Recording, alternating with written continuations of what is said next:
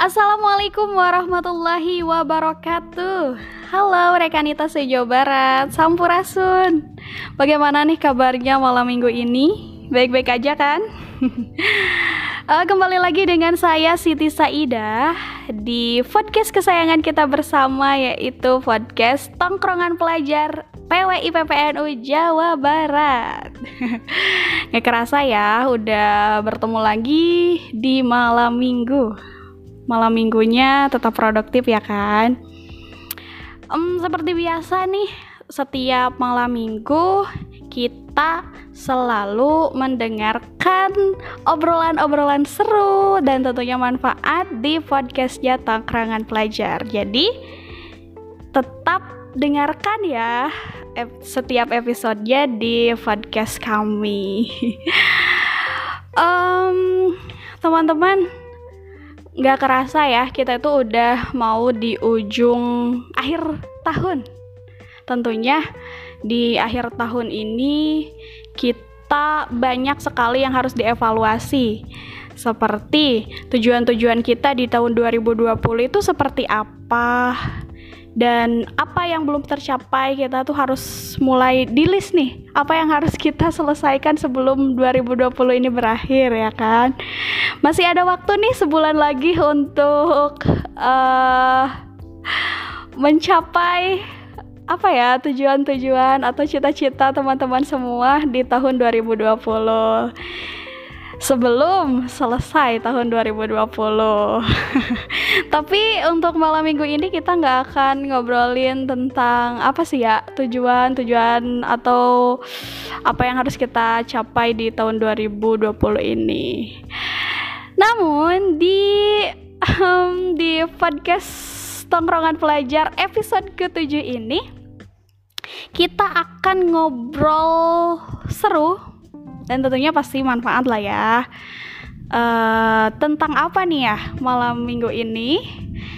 Ya sebelum ke judul ya. Mungkin saya akan mengenalkan terlebih dahulu siapa narasumber kita pada malam minggu ini. Penasaran gak nih? Um, pastinya narasumber kita pada malam minggu ini tidak kalah keren dengan narasumber-narasumber yang sebelumnya. Dan pada malam hari ini itu sangat spesial. Kenapa spesial? Karena yang datang ke podcast tongkrongan pelajar itu adalah sosok sosok orang yang inspiratif dan mm, idaman para perempuan ya. Penasaran gak nih siapa narasumber kita malam minggu ini? Yaitu uh, beliau Kang Dede Muhammad Multazam ya SAG Beliau lahir di Bandung, teman-teman, pada tanggal 25 November. Uh, tahunnya jangan disebutin kali ya. Um, beliau juga uh, sarjana UIN Syarif Hidayatullah Jakarta dalam bidang studi tafsir hadis pada tahun 2016. Wih, keren ya tafsir hadis nih. Saat ini beliau juga merupakan kandidat master dalam bidang hadis dan tradisi kenabian di Sekolah Pasca Sarjana UIN Jakarta. Uh, keren. Ia pun berhasil menempuh studi di Darussunnah International Institute for Hadis Science Skyns ya. Skynsis ya. The Jakarta di bawah bimbingan langsung Kiai Haji Ali Mustafa Yakub almarhum dan lulus pada tahun 2005 uh, eh, penasaran gak nih beliau tuh seperti apa? It's sabar ya. Belum selesai nih. Saat ini beliau juga aktif berdakwah dengan mengisi kajian bulanan atau mingguan dan khutbah di perkantoran, perumahan, di sekolah di daerah Jakarta. Masya Allah, benar-benar idaman ya teman-teman. Ia menjadi pemandu kajian juga loh di komunitas anak-anak muda di Bandung dan juga di Jakarta. Beliau juga aktif uh, berkegiatan dakwah secara digital di media santri online bersama rekan santri yang berada di wilayah Jabodetabek. Keren banget ya narasumber kita malam minggu ini. Um, langsung saja atau apa ya ini? Mungkin uh, sekilas profil beliau itu seperti itu. Barangkali nanti teman-teman IPPNU ingin bertanya lebih detail lagi terkait profil beliau, bolehlah nanti dikasih nomor kontaknya. um, mungkin langsung saja kita sambut narasumber kita malam minggu ini yaitu Kang Dede. Assalamualaikum warahmatullahi wabarakatuh. Waalaikumsalam warahmatullahi wabarakatuh. Iya. Bagaimana kabarnya nih Kang Dede? Baik, alhamdulillah. Se dalam keadaan COVID yang hampir setahun tetap dirasa baik ya, meskipun ada yang tidak baik sebetulnya, tapi tetap dirasa baik. Iya ya, nggak kerasa ya kita tuh udah covid udah mau setahun, tapi kita harus tetap uh, baik-baik merasa baik-baik aja ya, self love gitu ya. iya, Kang Dede uh, sedang sibuk apa nih? Sekarang sibuk seperti biasa, sibuk ke mana-mana. Maksudnya tidak tidak diam di tempat saja masih seperti apa yang dibacakan tadi di profil? Yang cukup panjang ya openingnya lumayan. Iya pantesan. Akhir-akhir ini tuh Kang Dede tuh jarang ketemu gitu. Uh, kirain udah lupa sama aku. Iya entah kapan ya terakhir bisa ketemu langsung gitu ya memang. Kayaknya tahun kemarin deh Iya mungkin mungkin mungkin tahun kemarin ya. Saya juga hampir lupa saking lamanya. Iya. Iya nih Kang Dede. Terima kasih banget sudah sama -sama, berkenan sama -sama. Uh, hadir di podcastnya Tongkrongan Pelajar. Bahagia banget bisa mendatangkan narasumber yang sangat keren. Ya. saya juga bangga dipanggil atau diundang di podcast atau kanal podcastnya milik IPPNU saya bersyukur juga nih ada tongkrongan online akhirnya Iya kan sekarang lagi pandemi jadi ser semuanya itu serba online gitu Kang. Betul, cuma kekurangannya bedanya ya mungkin karena nongkrong online itu bikin kopinya masing-masing. Kalau nongkrong secara offline ya ya banyak yang dipotong anggarannya. Ya tapi kan uh, tetap produktif ya Kang ya meskipun online. Alhamdulillah. alhamdulillah. iya. Kang, uh, di episode ke-7 kita malam ini kita akan membahas tentang knowledge and action. Keren ya. ya judul yang cukup bagus ya. Bagus, bagus banget, keren banget yang pilih judul. Oke nih Kang Dede. Kita ya uh, kita kan IPPNU itu fitrahnya sebagai pelajar ya. Pelajar itu kan uh, tugasnya menuntut ilmu baik itu formal ataupun non formal. ya, uh, seorang pelajar itu wajib ya untuk menuntut ilmu gitu. Wajib banget menuntut ilmu. Terkait judul untuk knowledge dan action nih ya, saya tuh banyak pertanyaan terkait hal tersebut karena banyak sekali pelajar zaman sekarang itu bukan hanya uh, belajar aja gitu kan. Mereka banyak juga uh, kegiatan lain selain dari belajar. Mungkin karena kreativitas pelajar zaman sekarang itu nggak terbatas ya. Ja, sehingga uh, pelajar zaman sekarang itu bukan hanya belajar aja gitu lah, tapi masih banyak kreasi-kreasi lain di di luar sana selain dari belajar gitu uh, terkait penting uh, paling penting nih yang dimiliki pelajar itu apa nih Kang? Uh, baik berhubung dengan atau berhubungan dengan judul yang disampaikan tadi oleh host spesial.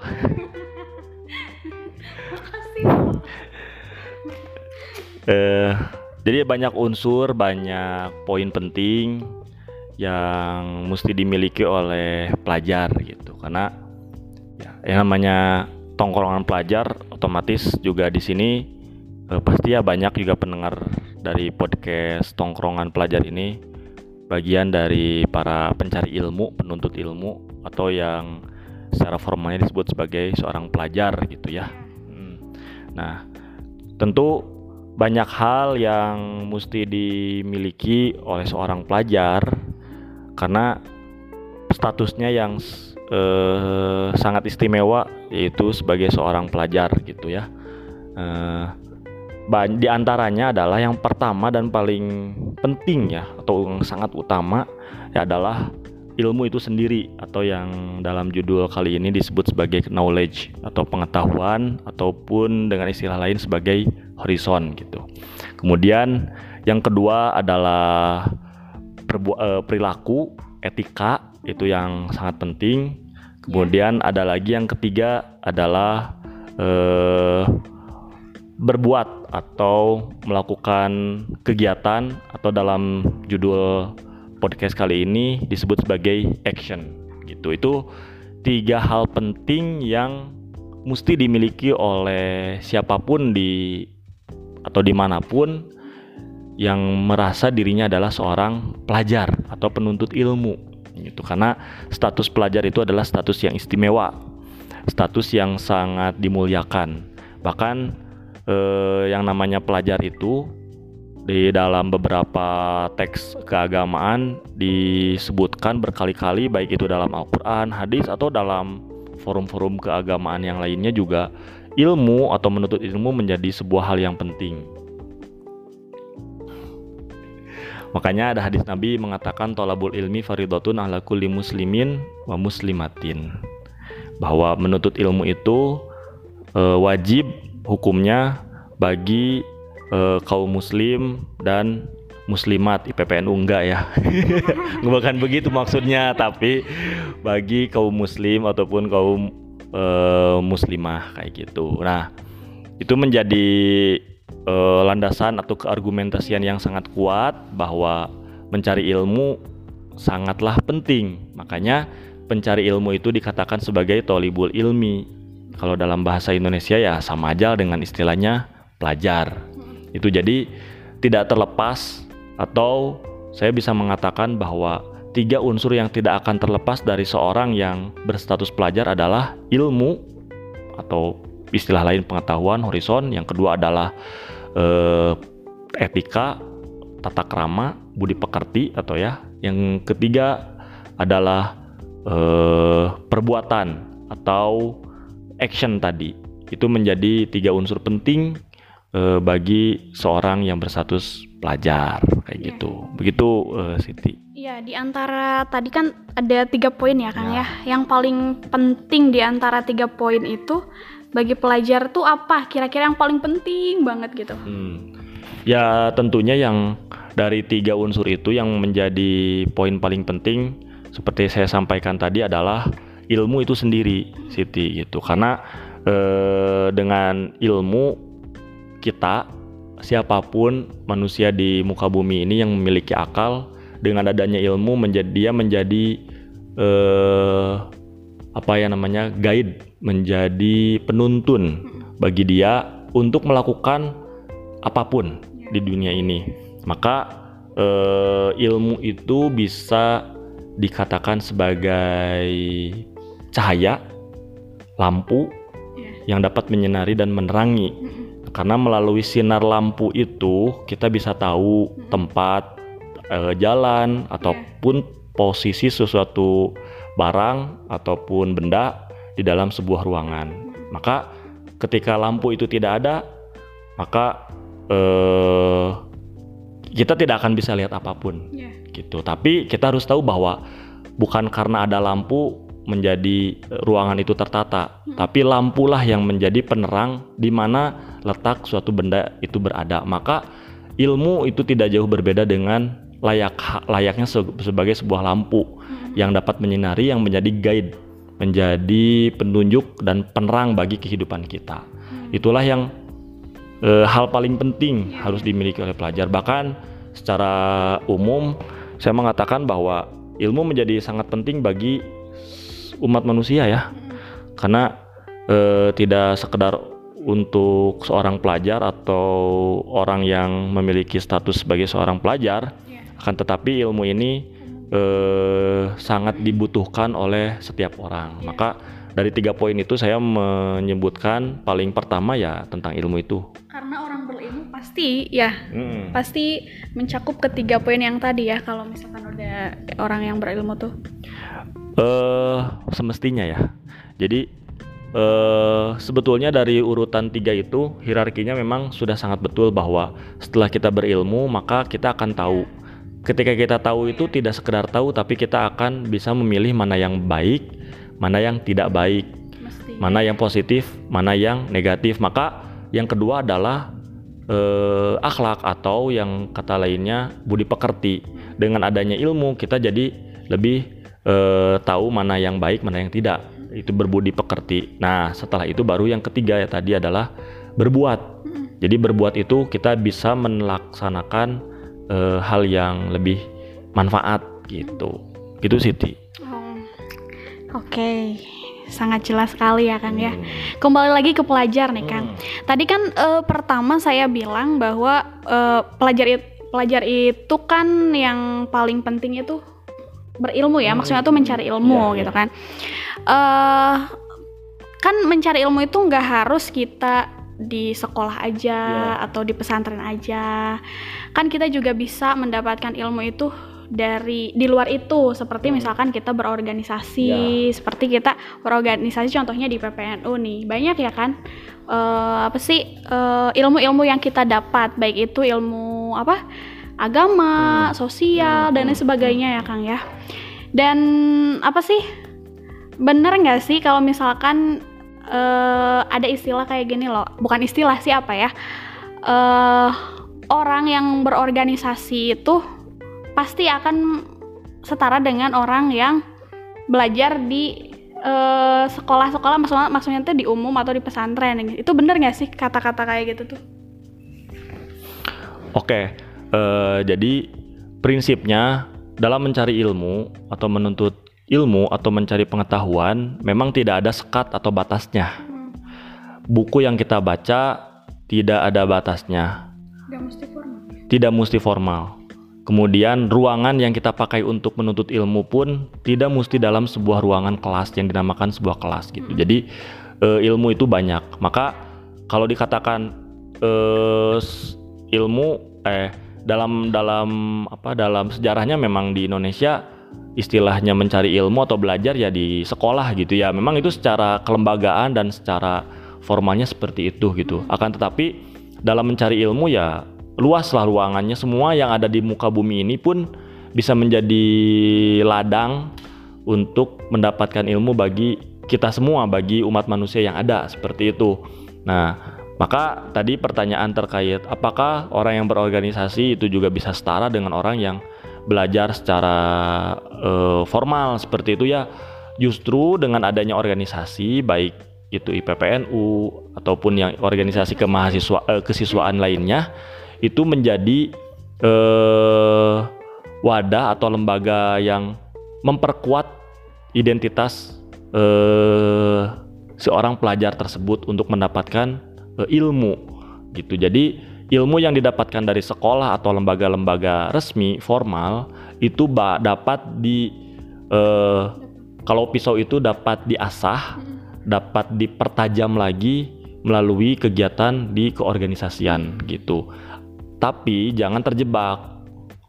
Banyak orang yang salah uh, orientasi atau misorientasi di mana dia lebih mementingkan memfokuskan terhadap kegiatan organisasi dibandingkan kegiatan dia untuk menuntut ilmu secara kelembagaan atau secara formal. Tetap saja yang utama itu adalah e, mencari ilmu dalam men, secara umumnya memang mencari ilmu menjadi utama. Akan tetapi ketika dibandingkan atau di dudukan antara belajar atau berorganisasi dan belajar ya tetap saja yang paling utama adalah kita harus punya ilmunya dulu.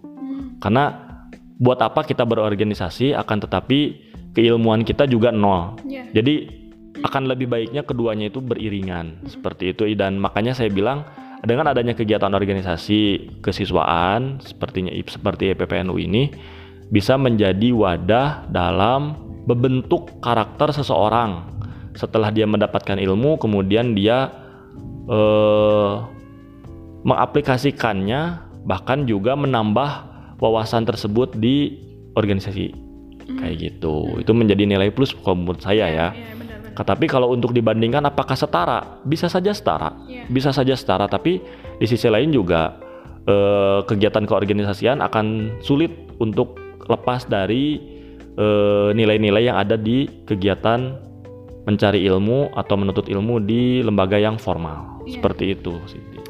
Baik, luar biasa sekali penjelasannya. Keren. Uh, ini masih terkait ilmu nih ya, Kang terkait ilmu. Apa nih yang menjadi perhatian bagi seseorang yang hmm. sudah berilmu nih, Kang? Hmm. Oke. Okay. Uh, eh, ilmu kita itu sangat akan sangat sulit ya mewaspadai atau memberikan perhatian lebih terhadap sesuatu yang tidak kelihatan. Contoh kecilnya, ilmu itu kan sebetulnya abstrak ya karena kita tidak tahu bentuknya ilmu tuh kayak gimana. Jadi antara satu orang, misalkan saya dengan Siti, ketika kita duduk di sini, Siti lihat dong ilmu kamu seberapa. Kita aduan yuk, banyak-banyakan ilmu. Nah, itu kan tidak kita tidak bisa memperlihatkannya dalam sebuah wadah, misalkan kita jajarkan dua wadah, eh, eh, apa namanya ember, dua ember misalkan. Ketika ketika ilmu kita kita lihat nih ember ember Siti penuh nggak nih dengan ilmu, ember saya penuh nggak dengan dengan, nah itu kan nggak bisa. Itu sangat susah ya sangat sulit. Sama aja dengan halnya kita memerangi corona ini kan hal yang abstrak gitu tapi memang nyata ada gitu. Ada tuh apa? Ada dampaknya iya. ada efeknya. Nah begitu juga dengan ilmu. Ilmu itu tidak bisa dilihat akan tapi yang bisa dilihat adalah efek dan dampaknya. Kelihatan orang yang berilmu dampak terhadap kehidupannya begitu kelihatan. Iya. orang yang tidak berilmu pun kelihatan. Seperti itu. Itu itu uh, sifat atau karakteristik ilmu ya begitulah ya di setiap manusia gitu. Makanya ketika ada pertanyaan bagaimana sih musla uh, mustinya seorang yang sudah berilmu gitu? Apa yang harus diperhatikan? Yang harus diperhatikan adalah menjaga ilmu itu sendiri. Yeah. karena ilmu itu adalah uh, anugerah ya kalau saya menyebutkan anugerah anugerah itu yang memang pemberian dari Tuhan gitu. Banyak orang yang mencari ilmu begitu lama tapi tetap aja nggak mm, sulit gitu untuk memahaminya. Tapi ada juga orang yang belajar dalam beberapa waktu bisa langsung memahami hal sesuatu hal yang dianggap rumit. Itu kan anugerah. Karena tidak semua orang misalkan tidak ada patokannya ilmu itu harus dicari dalam dua jam. Ketika dua jam udah diusahakan maka akan didapatkan tidak tidak begitu ilmu itu unik makanya ada orang yang belajar cuma uh, semalaman besoknya ngerjain tes bisa langsung nilainya 100 atau A. Tapi ada juga orang yang sudah belajar berminggu-minggu ketika tes nilainya uh, kecil gitu. Itulah keunikan ilmu kayak gitu. Nah, makanya yang paling utama adalah menjaga ilmu itu sendiri. Kemudian yang kedua, menghindari dari eh, hal-hal yang dapat merusak ataupun e, menghilangkan kemuliaan dari ilmu itu sendiri. Misalkan ilmu yang kita dapatkan yang tadinya positif kemudian kita e, apa namanya hmm, terpengaruhi oleh hal-hal yang membuat ilmu itu menjadi e, negatif kayak gitu. Jadi misalkan kita punya ilmu untuk misalkan orang ada orang teknik.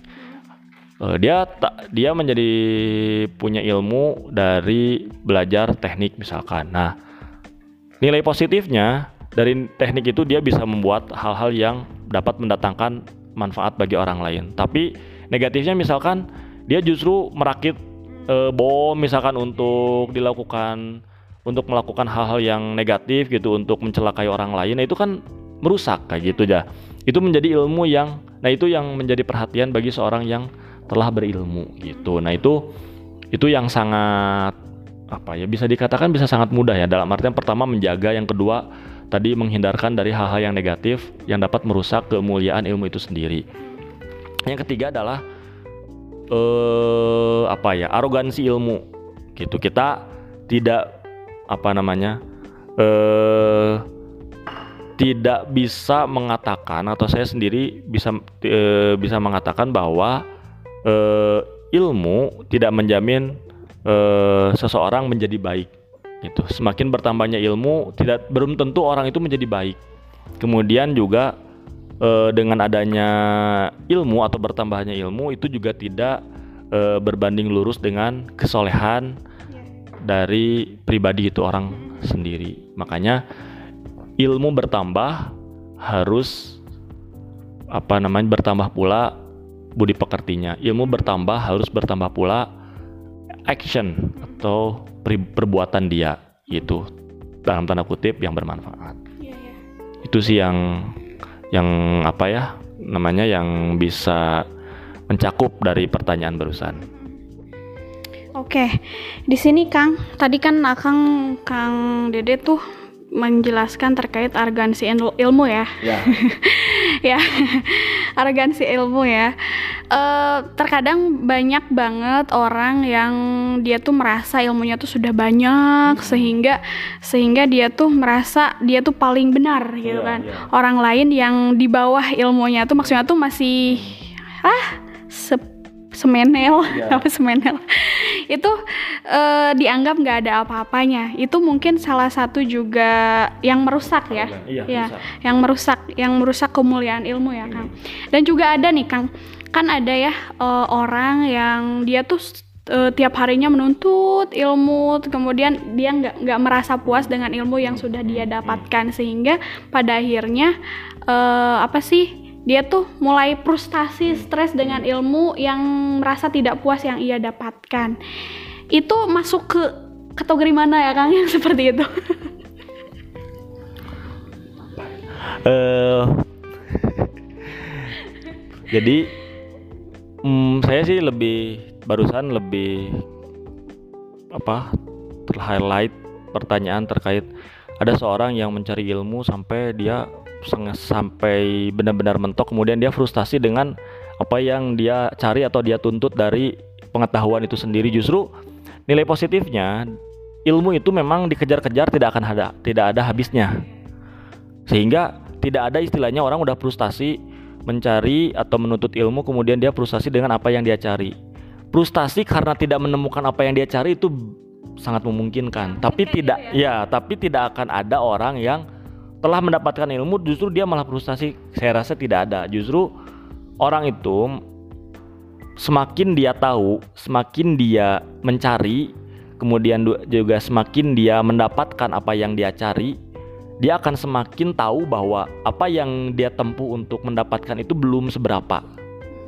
Jadi kalau bahasa atau kalau di diringkas lagi semakin kita berilmu, kita juga akan merasa semakin kita itu kecil, semakin kita itu tidak ada apa-apanya.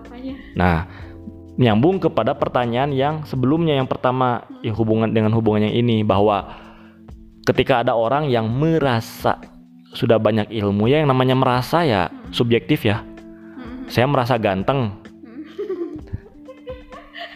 Iya, tuh kan si Siti aja di, di depan saya langsung ketawa gitu. Yang namanya merasa itu kan GR banget sih gitu. Kalau GR banget sih gitu kan. Bener kan namanya merasa. Karena merasa itu adalah subjektif. Gitu. Jadi saya saya kira tidak ada orang yang 100% dia tahu seberapa jauh ilmu dia. Gitu. Tapi mungkin bisa saja sih dia membandingkan ilmu dia dengan ilmu temannya. Membandingkan bukan membandingkan besar atau banyakan mananya akan tetapi bisa kelihatan dari apa yang dia baca, sudah berapa banyak buku yang dia baca, berapa jenjang pendidikan yang dia tempuh. Mungkin itu saja sih bisa ditakar ya.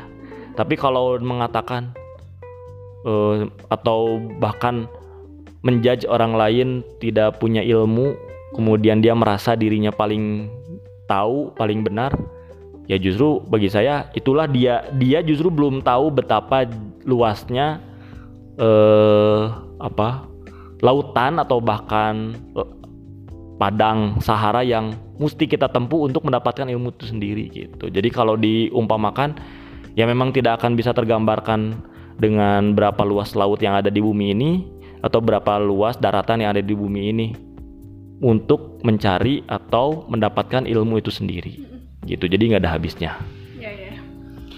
Oke, jadi semakin banyaknya ilmu, semakin banyak ilmu yang kita dapatkan, semakin sadar, semakin tahu bahwa kita itu nggak ada apa-apanya ya Kang ya. Oke nih Kang, terkait hubungan ilmu dan perbuatan itu apa nih Kang?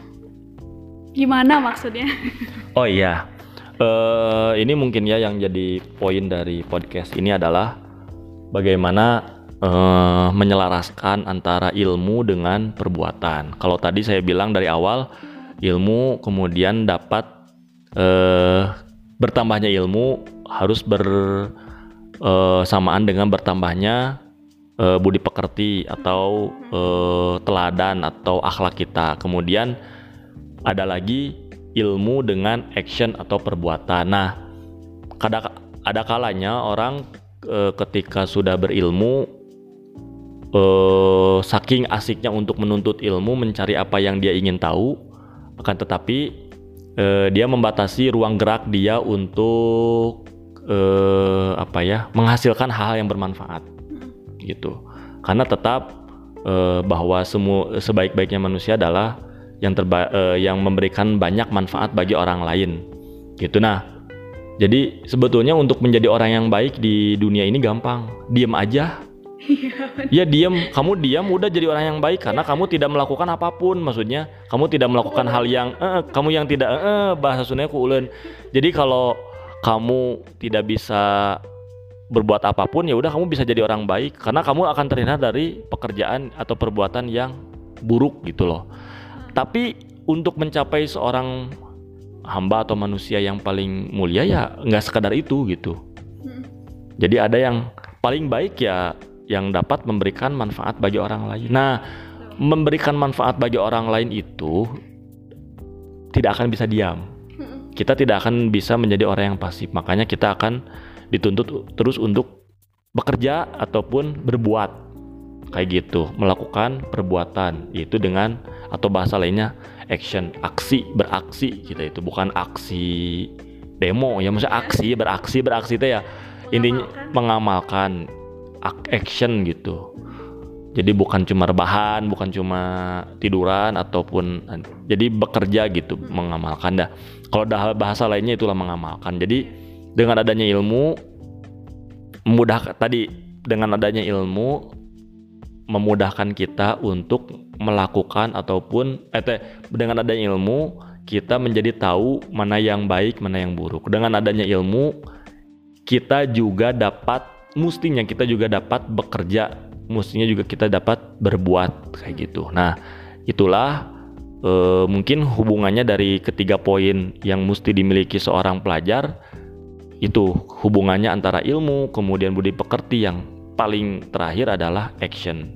Action meskipun paling terakhir tapi action ini menjadi hal yang krusial bagi seorang yang sudah berilmu gitu. Jadi apa guna gunanya kalau kita sudah berilmu tapi kita tidak memberikan eh, dampak yang positif bagi lingkungan, bagi keluarga, bagi saudara, bagi teman gitu kan. Lebih jauh lagi bagi bangsa gitu atau bagi umat manusia kayak gitu ya. E, jadi tetap bahwa dengan adanya ilmu kita harus lebih yakin, lebih berani untuk berbuat gitu. Tapi yeah. mau gak mau perbuatannya harus perbuatan yang positif, yang memberikan manfaat, bukan yang mencelakai atau menjerumuskan orang lain ataupun bahkan merugikan kayak gitu. Begitu kira-kira. ya, keren sekali penjelasannya Kang Dede. Terima kasih. sedikit, bukan sedikit ya, udah banyak sekali nih pencerahan-pencerahan terkait penjelasan dari Kang Dede. Jadi uh, pembahasan pada malam ini bahwa wajib sekali menuntut ilmu dan juga wajib sekali kita untuk mengamalkan ilmu tersebut ya. ke hal-hal yang positif ya Pak eh Bapak. ya kan ya. ya? Bu. kok jadi bapak ya oke mungkin Kang Dede uh, sebelum ditutup ingin mendengarkan motivasinya dong dari Kang Dede terkait pelajar-pelajar di Indonesia atau yang mendengarkan uh, saluran podcastnya tongkrongan pelajar itu seperti apa? Oke, uh, apa saya mau memberikan wisdom apa gitu ya? Karena saya juga masih butuh wisdom wisdom, masih butuh nasihat-nasihat kayak itu ya. ya akan tapi saya ingin menyampaikan sedikit bahwa hmm, semakin manusia bisa mewujudkan dirinya sebagai hamba, semakin bisa mewujudkan diri sebagai uh, wakil Tuhan kayak gitu kalau dalam bahasa Al-Qur'annya khalifah kayak gitu. Makanya apa yang saya sampaikan tadi itu menjadi cara untuk menghambakan diri melalui ilmu, budi pekerti dan perbuatan. Uh, subhanallah sekali, manfaat sekali tongkrongan pelajar pada malam minggu ini. ya, terima kasih banyak Kang Dede sudah meluangkan waktunya untuk tongkrongan pelajar dan juga untuk kita semua. Semoga ilmu yang sudah disampaikan Kang Dede tadi bisa bermanfaat ya Kang ya.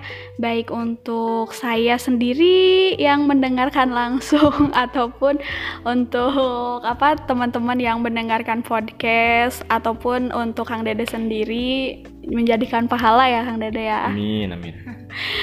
Iya, uh, berakhir sudah podcast tongkrongan pelajar pada ma malam minggu ini sebetulnya masih kangen banget mengisi uh, podcast tongkrongan pelajar ini tapi apalah daya ya uh, waktunya hanya beberapa menit saja mungkin nanti kita akan disambung di podcast podcast podcast selanjutnya